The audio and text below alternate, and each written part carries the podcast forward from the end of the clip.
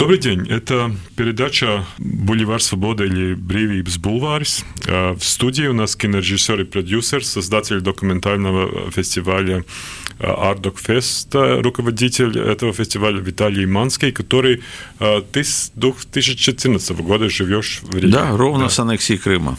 Да.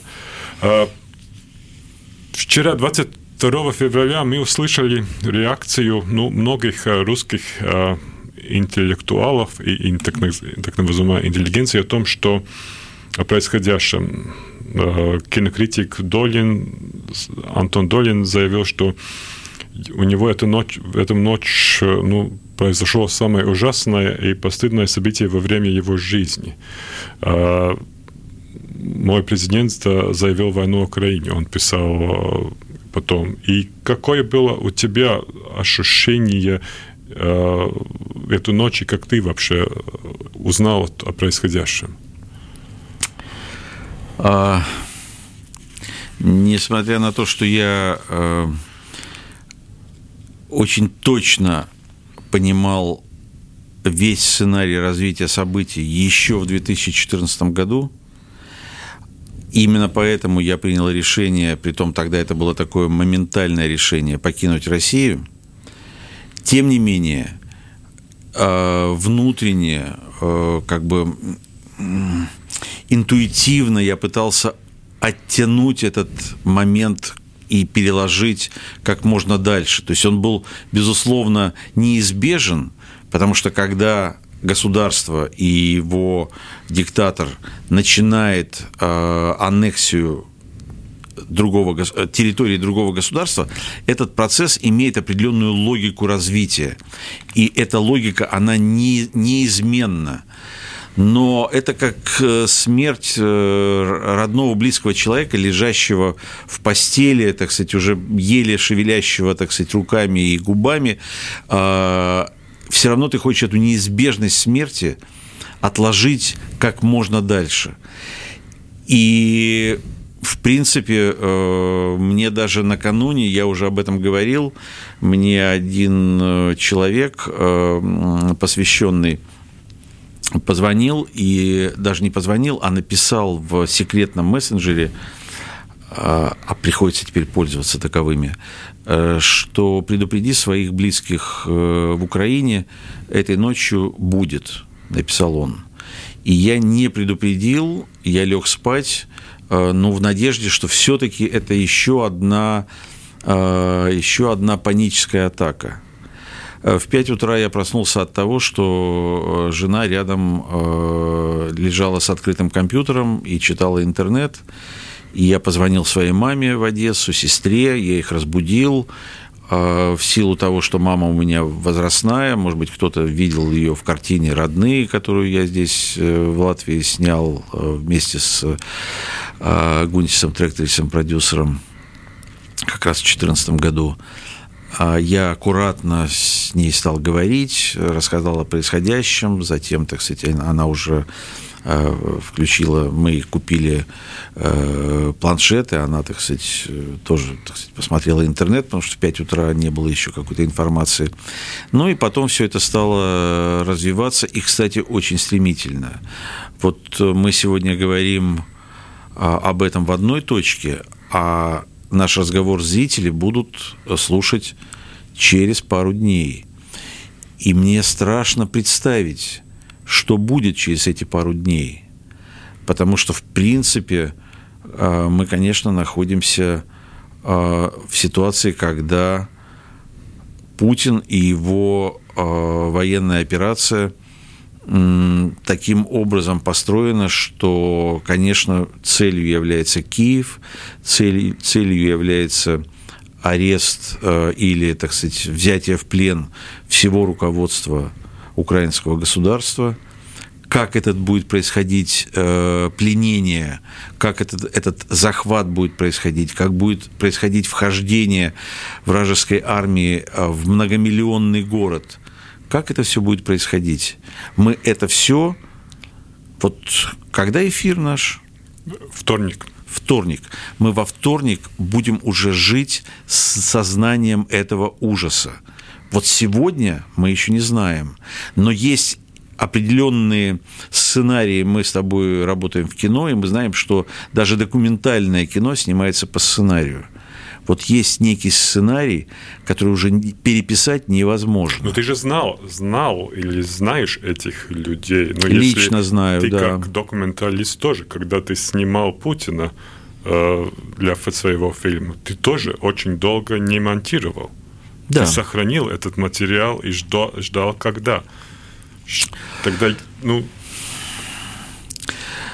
А... Эти люди изменились или я бы так сказал. Действительно, э, ведь этой войне предшествовала такая позорная акция, когда э, в Кремле происходило событие под названием Совет безопасности России, заседание Совета безопасности России, где взрослые люди, мужчины, в основном мужчины, по-моему, там была одна женщина, но здесь гендер не важен – а, выходили и а, просто поливали себя с ног до головы собственными помоями. Они а, выходили и по команде одного удаленного от них сидящего барина вписывались в преступление, которое как бы зафиксировано на пленку и являлось уже не преступлением одного человека, а групповым, ну, знаешь, тут как бы просится само групповым изнасилованием. Они вписывались в это групповое преступление. А, я некоторых людей с большими должностями, которые выходили к трибуне, знаю лично, с некоторыми на «ты». И мне было безумно стыдно. Ну, это самая маленькая, из, э, одна из самых маленьких эмоций, которую я испытывал, это стыд за этих людей, которые просто теряли окончательно свое достоинство, человеческое достоинство. И, э, конечно, вот эта абсолютно фантастическая сцена, вот уж документальное кино, вот не надо ничего, это просто готовый документальный фильм. Сцена, когда глава внешней разведки России э, интеллигентный, образованный, э, взрослый мужчина, э, отец семейства, Нарышкин его фамилия, выходит и позволил себе, ну, может быть, как человек, умеющий просчитывать какие-то шаги вперед, сказать о признании Донецка и Луганска не в том времени, то есть не в, он так выразился, что он согласится согласиться с признанием, не соглашается, я знаю, что наш разговор будет переводиться на латышский, а я латышский учил, в латышском тоже есть времена. Вот он согласится, и его Путин тут же осек. Сказал, так я что-то не понял, вы когда-то согласитесь или вы сейчас соглашаетесь? Говорите, как, э, как так сказать, нужно да, говорить. Видел, да. И этот испуганный, растерявшийся глава мощнейшей разведки мира, одной из крупнейших разведок мира, крупного государства с ядерным потенциалом, настолько превращается в беспомощного, жалкого двоечника, что он, смущаясь, произносит такие слова «Я за то, чтобы присоединить э, Донецк и Луганск к России». И тут уже Путин его э, пресекает и говорит, ну подождите, подождите, это мы сейчас не обсуждаем. Э, вот, собственно говоря, какая, как, с чем мы имеем дело, э, какая ситуация. И когда я говорю, что это документальное кино, я имею в виду, что в принципе вот сейчас э, мы будем показывать картины, документальные картины, которые снимались ну, год назад, да, ведь пока фильм снимается, пока он выходит. Но документальное кино, оно имеет удивительное, уникальное свойство не преподносить нам информацию о каких-то событиях, а предлагать некую, э, некое авторское осмысление событий и, может быть, даже э, предлагать некие пророческие образы будущего, несмотря на то, на то, что документальное кино абсолютно четко базируется на реальности. И в этом смысле и картина Алины Горловой этот дождь не закончится никогда, это украинская картина, кстати сказать, с латвийской копродукцией, которая показывает мир, в котором война стала состав... составной и неизымаемой частью нашей жизни. И это радикальное изменение. Мы еще пять лет назад жили в другом мире. Но ты сказал в одном из интервью, что в твоем представлении Путин давно не человек, что с ним а, невозможно разговаривать. Да. Что я... произошло? Я... И, потому что в последние дни очень часто используется, что что даже ну, Гребенщиков сказал, что это полное безумие, Акунин Борис считает, что э, Россия руководит психически ненормальный диктатор. Это ненормальность, не человек, а то есть ненормальность как знак того, что есть нормальность. Нет, я считаю, что, э, э, что он неадекватен. Вот если неадекватность – это форма ненормальности, тогда да. Но неадекватность – это отсутствие связи с реальностью. Он абсолютно э, искаженно понимает происходящие процессы в мире. Более того, его представление о мироустройстве, оно э, было актуально, ну, наверное, в те времена, когда строились империи. Притом, когда я говорю империи, я имею в виду государственные империи. Когда для того, чтобы э, выйти к морю, там Петр I реально рубил топором э, это окно в Европу. Сегодня империи повсеместно прекращают свое существование, собственно, прекратили. А если и создаются империи, то эти империи создаются технологические. Это империи на основе э, интеллекта, человеческого разума, на основе э, предложений, сделанных рынку, в которых рынок, читай, человек заинтересован это империи, которым не нужны, которые не учитывают э, территориальных границ. Империи в Силиконовой долине в Соединенных Штатах Америки, каждая из них, там много империй, Apple там и так далее, они по капитализации на сегодняшний день мощнее капитализации и, вообще говоря, ВВП Российской Федерации, государства России – но это империи, которые никого не завоевывают, точнее, они завоевывают рынки, но они не завоевывают государства. С айфоном может быть демократ и республиканец в Соединенных Штатах. С айфоном может быть Э, член национального блока э, в Латвии и там, э, я не знаю, кто, да Ушаков, может быть, с айфоном, в конце концов. Это люди, ну, совершенно диаметральных политических воззрений. И это принципиально иные империи. А Путин считает, что империя – это когда он изобретает один iPhone, и он создает территорию – ну, свой какой-то чайка, там, полет, я не знаю, а, э, Москва 24. И он создает территорию, где нет выбора, где нет рынка, где все голосуют за одну партию, все, так сказать, живут по одному регламенту. Такого в современном мире быть не может. Есть одна страна с таким регламентом. Это Северная, Северная Корея, Корея, да, которую я очень хорошо знаю, в отличие от Путина но это аномалия. А построить и аномалия не а возник... может Россия стать Нет, Северной Кореей? никто не может стать Северной Кореей. Потому что возникновение Северной Кореи – это как аномалия. Нельзя…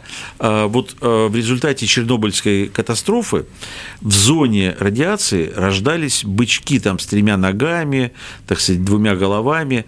Это аномальное явление. И Северная Корея возникла в результате вот такого взрыва Э, атомной станции, э, потому что там много замешалось э, ингредиентов, которые породили вот это, это такое совершенно аномальное государственное образование. Создать это рукотворно невозможно. И в этом смысле можно быть спокойным. Никто не станет Северной Кореей. Но разворот в сторону Северной Кореи – это само по себе уже катастрофа для любого общества – а Россия, конечно, уже давно развернулась в эту сторону. Это может э, продолжаться годами, как мы видим в Северной Корее. варианте? Да, это может продолжаться И- годами. А, И, кстати сказать, а, мне кажется, я за санкции, сразу, так сказать, точки поставим над «и», но я считаю, что санкции – это далеко не весь арсенал, который а, может привести к изменению ситуации, потому что все же русский человек а, своей ментальностью – это а, жертвенный человек. Он способен ради идеи а, собственной или внедренной в него жертвовать, в том числе и своим благополучием, и Ну, своей здесь жизнью. есть, по-моему, разница. Это, конечно, риторика Второй мировой войны, как строила вся пропаганда идеологии. Но в этом контексте война идет с Украиной. И Украина – это не нацистская Германия. И м, как построить эту пропаганду и э, в этом контексте? Нет, ну послушай, а, для российского обывателя, который или, да, скажем, не обывателем, а, это можно, можно обидеться. Почему это я обыватель? Я а, взрослый человек, там, я не знаю, профессор медицины. Для российского гражданина, который лишен внешнего информационного пространства и который обрабат- обрабатывается исключительно подконтрольным государством информационным медиаресурсом, Украина является нацистским государством. Когда я, кстати сказать, сказал о а, профессоре а, Ты думаешь, что... и- медицины, но ведь э, у и- всех родственники, знакомые в Украине, они ведь... Ну, я э, Тоже вчера твои- буквально э, вчера буквально вступил в спор с э, кинематографистом, у которого родственники в Украине, который задал мне вопрос: э, скажи, пожалуйста, а ты на стороне Украины или хунты? Я тогда уточнил, что хунта, на мой взгляд, в Москве, а я на стороне Украины. На что получил ответ. Ну как, ты разве не знаешь, что в Украине хунта нацистская? А, и мы там, так сказать, спорили, этот человек приводил свои доводы, а, базирующиеся на, на, в общем, медиапространстве российском, что вот действительно а, Украину захватили нацисты, которые устраивают геноцид, в том числе русского народа. И тот, э, тот факт, что э, за годы с 2014 года там э, уже второй избранный президент всенародно, и это русскоязычный э, еврей по национальности, э, вот как-то не, не работают. Вот, вот фашисты, геноцид и все. А Если мы возвращаемся обратно к этому вопросу про Путина и сумасшедство, а, ну, еще в прошлой неделе Шпигел там писал, немецкий магазин, а, искал ответ на вопрос, а, насколько одинок Путин и во сколько там есть какая-то а, несколько людей, которые входят в всю эту хунту или команду, которую, если так можно назвать вообще, то... И э, у, у них было такое сложение, что он довольно одинокий стал, нету там эти так называемые силовики, как, о которых мы там говорили несколько еще лет назад. Э, Вообще говоря, э, вот этот Совет Безопасности, о котором я уже, на который я ссылался, он, конечно, показал путинское одиночество, потому что с людьми, ну, как бы публично а, опущенными уже в баню не пойдешь. Ну, так, если по, по блатному языку. А, И видно, что он этих людей не уважает. То есть вот свою команду, которая, казалось бы, могла бы быть его командой, это люди им лично неуважаемые. А в этом смысле, конечно, есть его одиночество. Но тот страх, который испытывает команда, потому что они понимают, что они э, каждый в силу своих э, соображений, но они в общем э, стали военными преступниками, и у них при падении режима Путина перспективы, мягко говоря, э, весьма э, м, печальные. Они вынуждены держаться за своего кормчего, они вынуждены эту систему поддерживать. Но эта система не является системой коллегиального управления. Это система управления одним человеком всего. Он выстроил вот ту самую вертикаль власти, когда все держится на конце иглы, как в той русской сказке про Кощея Бессмертного. А, и я думаю, что вот я начал говорить о санкциях, которые я не очень, так сказать, я как бы их поддерживаю, но не очень верю в их эффективность. Я считаю, что мировое сообщество должно как бы зреть в корень этой проблемы и решать корневую эту проблему, решать проблему вот этого конкретного человека. Делать? Но есть люди, которые получают зарплату за то, чтобы принимать решения. Это президенты, это руководители силовых структур, разведок и так далее. Это не наша с тобой задача. Наша с тобой задача снимать документальное кино о времени, в котором мы живем. А чтобы потом наши, в том числе и потомки, могли это кино смотреть и анализировать, может быть, наши ошибки, нашу наивность, может быть, нашу искренность. А, и я повторю, что вот мы ведь собирали программу «Ардукфест» до войны – и в этой программе и польская картина, балконный фильм Павла Лозинского, где вообще нет войны где просто режиссер общается с случайными прохожими под своим балконом. Наверняка ты уже посмотрел где-то этот фильм. А, но ведь этот фильм о обществе, польском обществе, которое тоже находится в довольно-таки сложном политическом и э, нравственном переломе, где правые с левыми и, э, или там белорусская картина Андрея Куцила о э, восстании, народном восстании, которое было сломлено, подавлено, и, и так сказать, ну, как бы Лукашенко, диктатор, победил народ в своей стране. И казалось бы, что мы все это уже знаем э, в информационном поле, а в картине Куцила мы это видим персональных историях, персональных трагедиях женщин, которые встали в авангарде перед мужчинами в, этой, в этом народном восстании. То есть документальное кино дает возможность нам объемно понимать или, так сказать, помогает нам объемно понимать и разбираться с проблемами э, мира, в котором мы живем, и вырабатывать в результате этого понимания какие-то адекватные шаги на будущее. Даже если это какая-то вообще картина, которая ну, ну, связана, я не знаю, с какими-то событиями историческими. Ты сам продюсируешь фильмы, э, связанные с историей, в том числе и разведок э, советских. Это же делается для того, чтобы мы, ну, как-то могли ну, как урок, как, как, как, как школьники, так сказать, а, а, ос, осваивали мир, в котором живем. Я, ну, я как, даже не как документалист, но я вчера видел людей около посольства России, я тоже смотрел э, люди, которые собирались в Москве э, в марше против э, войны, и там было тысячи молодых людей – а там обшито тогда ясно, на какой стороне будущее. А, ты знаешь, я вынужден высказать свою э, и в Риге было очень много русскоязычной молодежи. Я, я выскажу э, свою, так сказать, вот свой скепсис. Конечно, очень важно выходить и проявлять свою точку зрения. Но я бы в Риге вышел не к посольству России.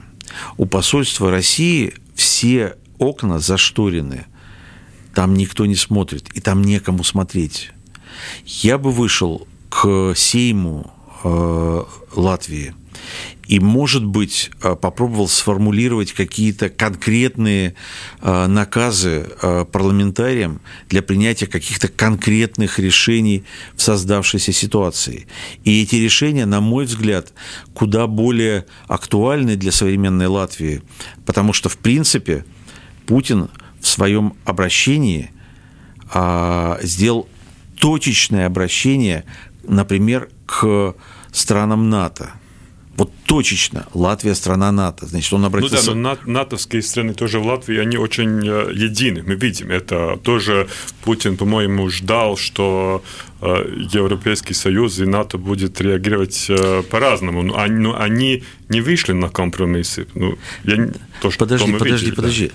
Мы вообще понимаем, что даже сегодня, когда мы с тобой разговариваем, Путин, танки Путина идут на Киев – и весь мир, и мы с тобой в том числе, мы со стороны из-за крепко, э, так сказать, обустроенного редута наблюдаем за этим. Мы практически, кроме санкций, ничего не делаем. Это первое. Второе. Давай НАТО отодвинем в сторону. А Путин обратился в том числе к русским людям, к русскому миру. Он считает, что люди – которые живут за пределами Российской Федерации, но являются носителями русского языка, это его электорат, это его, это граждане большой русской, Российской империи. Но, извини меня, в Латвии есть а, сколько там, 12% или 11 уже процентов не граждан Латвии, которые и здесь живут семьями, коренно здесь живут – и которые, я понимаю, почему был придуман статус негражданина, когда он принимался, но он был придуман для решения сиюминутных моментов, вот того времени, тех лет.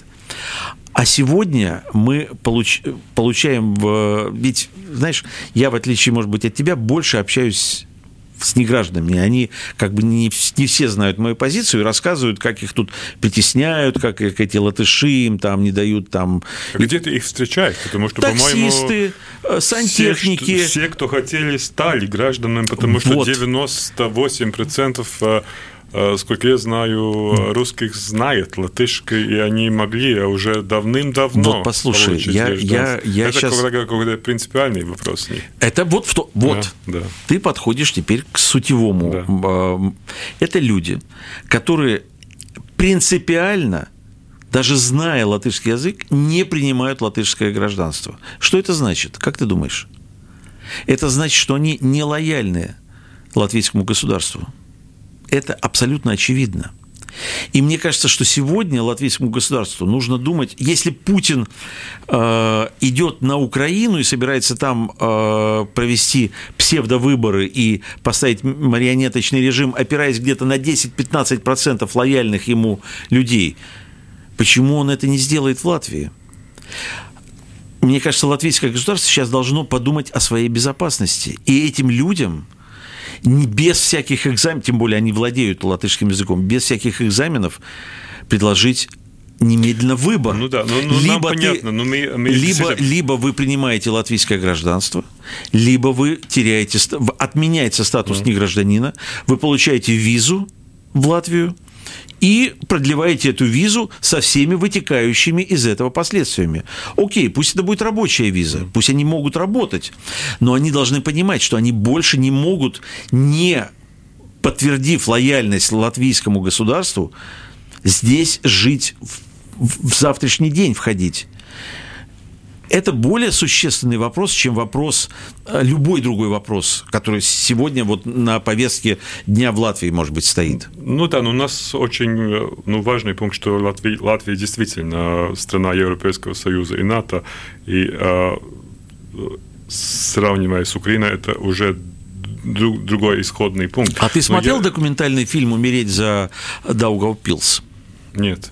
Посмотри, это производство BBC. Да. Когда произошла э, аннексия Крыма и события э, на юго-востоке Украины, э, на BBC сделали картину следующую. Они в ситуационную комнату э, британской э, Министерства обороны пригласили генералов, которые в отставке, и предложили им, опираясь на их профессиональный опыт, рассмотреть ситуацию следующую, что э, в стране НАТО, в Латвии, в Даугавпилсе, в Латгалии происходит аналогичная Донецку э, э, народная революция. И группа э, лиц захватывает власть и объявляет Даугавпилскую народную республику. Э, страна НАТО. И вот что делать в этой ситуации? Это игровой фильм? Это, документ, это, документаль, это документальная картина, потому что реальные генералы, реальные э, люди, которые просто вышли в отставку, они рассматривают эту ситуацию как, как деловая игра. Как бы они поступали, если бы они были еще действующими э, чиновниками mm. и офицерами. И они рассматривают. И в итоге там подним, э, ставится вопрос, что если они начинают э, как бы защищать, то есть вы, выталкивать Россию. Да, Россия вела войска в поддержку русскоязычного населения, не секрет, на каком языке в Латгалии в основном говорят люди. Туда входят э, российские войска Путин, и есть, и одним словом, они понимают, что проще отдать Даугавпилс, чем развязать э, Третью мировую войну, ядерную документальный фильм. Ты, ты думаешь, что такой сценарий будет теперь произойти на Украине? В принципе, да. Он уже происходит на Украине, потому что НАТО не входит э, и не становится э, своими э, вооруженными силами в помощь Украине. Только декларации декларации и оружие, которое поставляется в Украину, но Путин цинично отправляет на эти склады точечные ракетные удары и все, что накапливало э, благодаря западной помощи Украина, практически на сегодняшний день уничтожено. И будет такая две Украины, западная и восточная, как э, Судя по планам время. Путина, э, конечно, готовится раздел Украины на западную и восточную.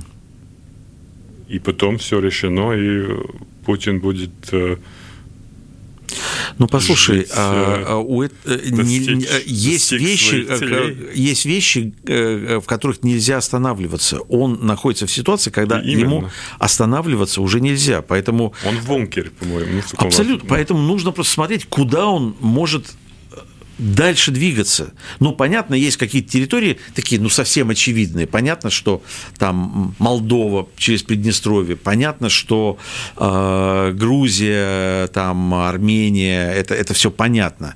Ну, понятно, Белоруссия, она уже там. Ну а дальше-то что? А, Кто я, будет следующий? Я вчера посмотрел еще раз твой фильм э, про Горбачева, Горбачев рай, где ты мне нравилось это место, где ты спрашиваешь Горбачева, использовала ли Европа возможность, э, которую Горбачев дал им? И Горбачев ответил «да». А потом ты продолжал спрашивать, и использовала ли Россия эту возможность? И Горбачев ответил «да, потому что мы живем в мире, и не происходит войны». Но если мы э, этот, эту эпизоду размышляем сегодняшний день, какой смысле то, что происходит, это еще продолжение распада Советского Союза? Ну, вообще... Э, что мы... это не какой-то новый мир, но это все еще продолжается то же самое, что кончилось с Горбачевым. Ты очень точно заметил, потому что мы все и в Латвии, и в Украине, да и в России, мы очень были наивны, когда увидели, э, как опускают советский флаг э, в Кремле, мы решили, ну все, вот флаг опустили, э, там завхоз его скрутил символы, подмышку. Символы поменяли. Да, да, и пошел, и все, и нет Советского Союза. Но так не бывает. Империя вот здесь, у нас в голове. И в Латвии еще не до конца Советский Союз э, умер. Конечно, он юридически умер. Латвия европейская страна, НАТО. Но объективно говоря, э, ментально не, не, не совсем.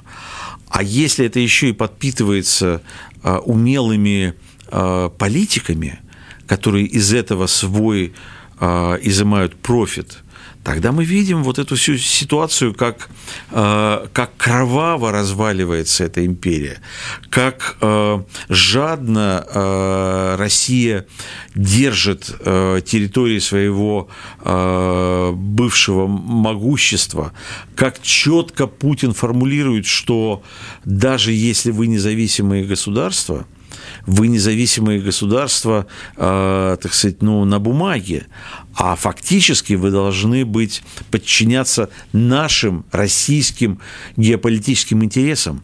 Вы не имеете права вести свою внешнюю политику, вы не имеете права входить в военные блоки, вы, в принципе, должны избирать лояльных нам э, руководителей, иначе, а иначе мы видим, что происходит сейчас, прямо в эту минуту. И это тоже э, форма распада Советского Союза, где одни хотят обрести свободу и независимость, а другие считают, что распад Советского Союза – это глобальная катастрофа 20 века. Ну, как э, я согласен, по-моему, с Ниной Хрущевой, внучкой да. Э, Хрущева, когда политолог, живущий в США, которая сказала, что Путин представляет из себя такого фейкового историка. Послушай, а... что он думает, что он какой-то историк? Э, фейковый историк э, – это э, совсем не проблема. Мы все учились в школе, и не, не все наши учителя истории были большими специалистами. Но когда этот фейковый историк становится главой государства и начинает историю не только преподавать, но и делать, вот это уже большая проблема – а сейчас он занимается именно построением истории. Он решил, что на нем э, сошелся русский крест.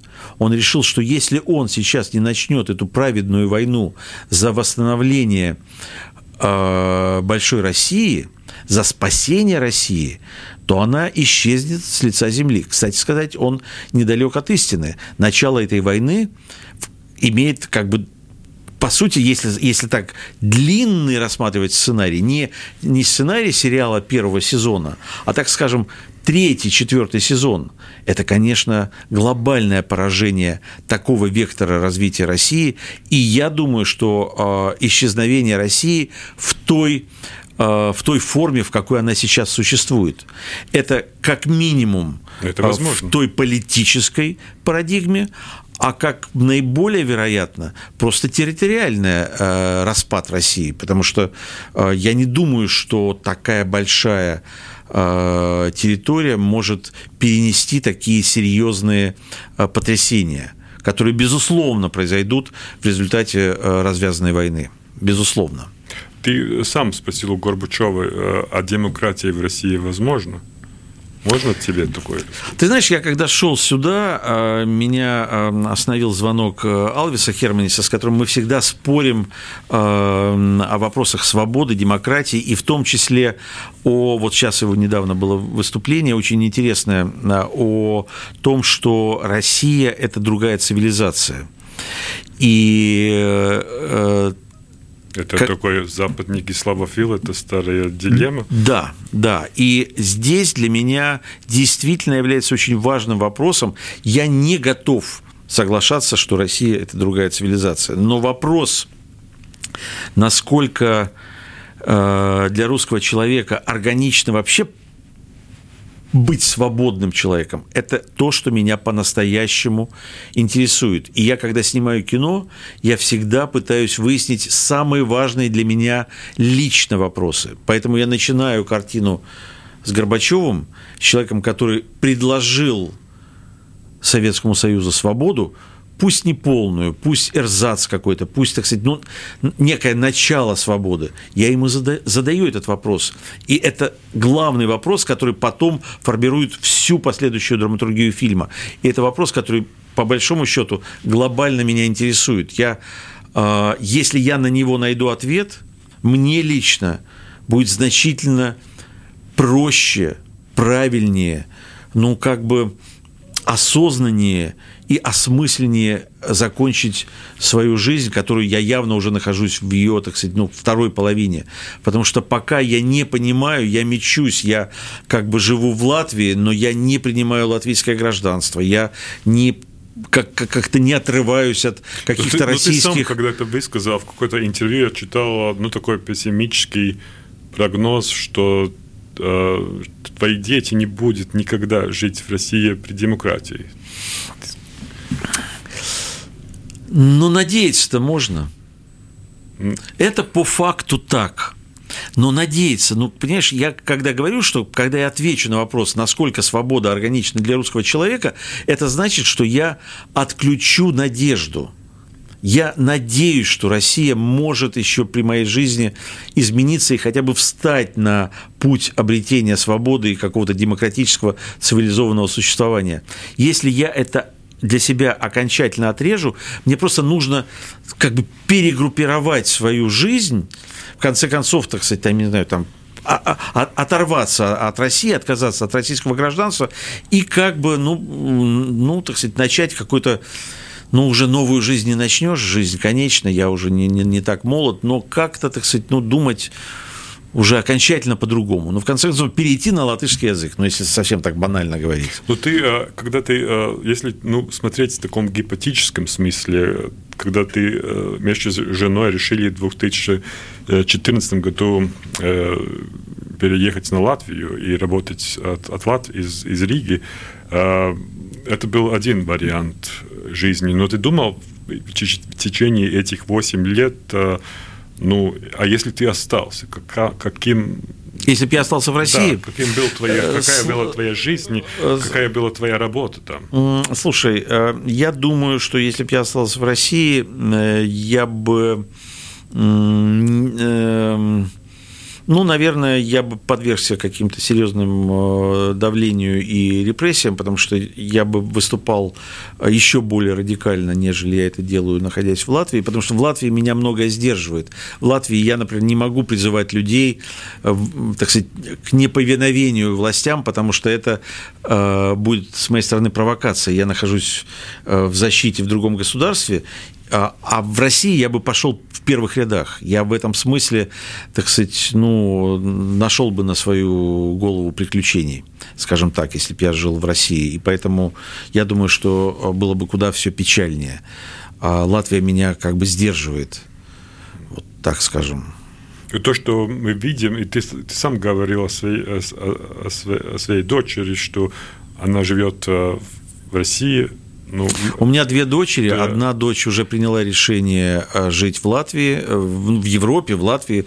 Мы с трудом сделали ей временный вид на жительство. Но, Сейчас... но ты в это интервью сказал, что есть возможность жить в России Э, не касаясь всего этого.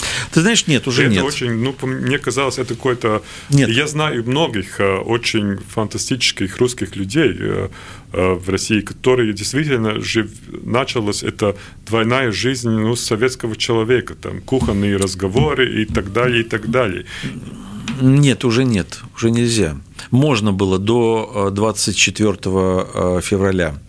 А сейчас уже нет, потому что я вообще считаю, что даже живя в Латвии, но обладая э, паспортом гражданина России, я несу ответственность э, за действия России даже живя в Латвии, даже выступая против э, курса Кремля, я несу эту ответственность. А если ты живешь в России, твоя ответственность кратно увеличивается. И я считаю, что недостаточно. Это правильно, что люди высказывают свою позицию, там, скажем, в социальных сетях, выходят на улицу, а, ставят аватарки с украинским флагом, но этого сильно недостаточно. Сильно недостаточно. Если бы вчера не вышли на сцену все актеры во всех театрах в России, если бы вчера не вышли э, телеведущие на телеканалы, если бы вчера э, прекратили съемки сериалов, как мне говорят мои друзья, но я же не в политике, я снимаю сериалы там криминальные, фэнтези, там то все, я, так сказать, как бы не при делах. Если бы остановили эти съемки, это и так далее – если, в конце концов, врачи не вышли на работу, машинисты не вышли, так сказать, к э, вагонам метрополитена, если бы тотальное произошло э, неповиновение э, общества, это бы власть испугалась. Этот человек, он пытается напугать весь мир и в первую очередь россиян, а нужно, чтобы россияне напугали его а ему не страшно. Тысячи человек или даже 10 тысяч человек, вышедших на улицу, это ему не, не страшно. В 14 миллионном городе это арифметическая погрешность. Он должен действительно остаться в одиночестве. А для этого нужно совсем немного. Нужно, чтобы все по чуть-чуть, не тысяча героев, а тысяча, а сто миллионов не героев, но солидарных людей. Но если, если мы там смотрим, не знаю, «Дождь», «Медуза», э, «Независимая газета», я читал э, перед эфиром скрин Daily, где тоже Наталья Манская и другие кинорежиссеры России призывают прекратить войну. И я думал, что ну, это антивоенное настроение, ведь это тоже ну, в менталитете а, русского Послушай, человека я, я был... из-за Второй мировой войны. Это довольно ну, призыв, который должен, должен работать. Нет, послушай, а я же говорю о том, что сейчас прошло время призывов. Я сам подписал эти письма, а, в том числе, но время призывов некому призывать. Кому, ну, кому этот призыв? Все, все решения принимаются одним человеком. Он э, не обращает внимания на эти призывы. Ему нужно показать куда более действенную реакцию. Действенная реакция – это когда просто, так сказать, он выйдет из, своего, из своей резиденции, а водителя его не будет, он не сможет поехать на работу. Я понимаю, что это невозможно, потому что водитель ФСОшник, там прочее, прочее, но я не знаю, но он должен выехать в город, и автомобили должны перекрыть движение. Он должен пересесть на вертолет, и, так сказать, и ему не должны давать диспетчера посадку. Это должно произойти. Должно произойти, чтобы общество все по чуть-чуть, повторяю, героические поступки, но на него не действуют. Он считает э, героев идиотами. Он считает Навального дебилом, который э, вернулся в лапы тирана. Он цинично, не задумываясь, его съел, ну и ест, смакует по кусочку. Цинично, брутально, жестоко, мерзко. Поэтому героизм не работает. Общность слабых людей – сработает, которые просто на секунду станут чуть-чуть сильнее, на одну секунду. И все встанет. И они убедятся в своей силе. Вот когда все встанет, они убедятся в своей силе, и тогда возможно изменение. Это ощущение, ну, чтобы не было войны, это, это ведь тоже ну, в крови в России, русского человека. Если Послушай, брать... вопрос сейчас не в войне.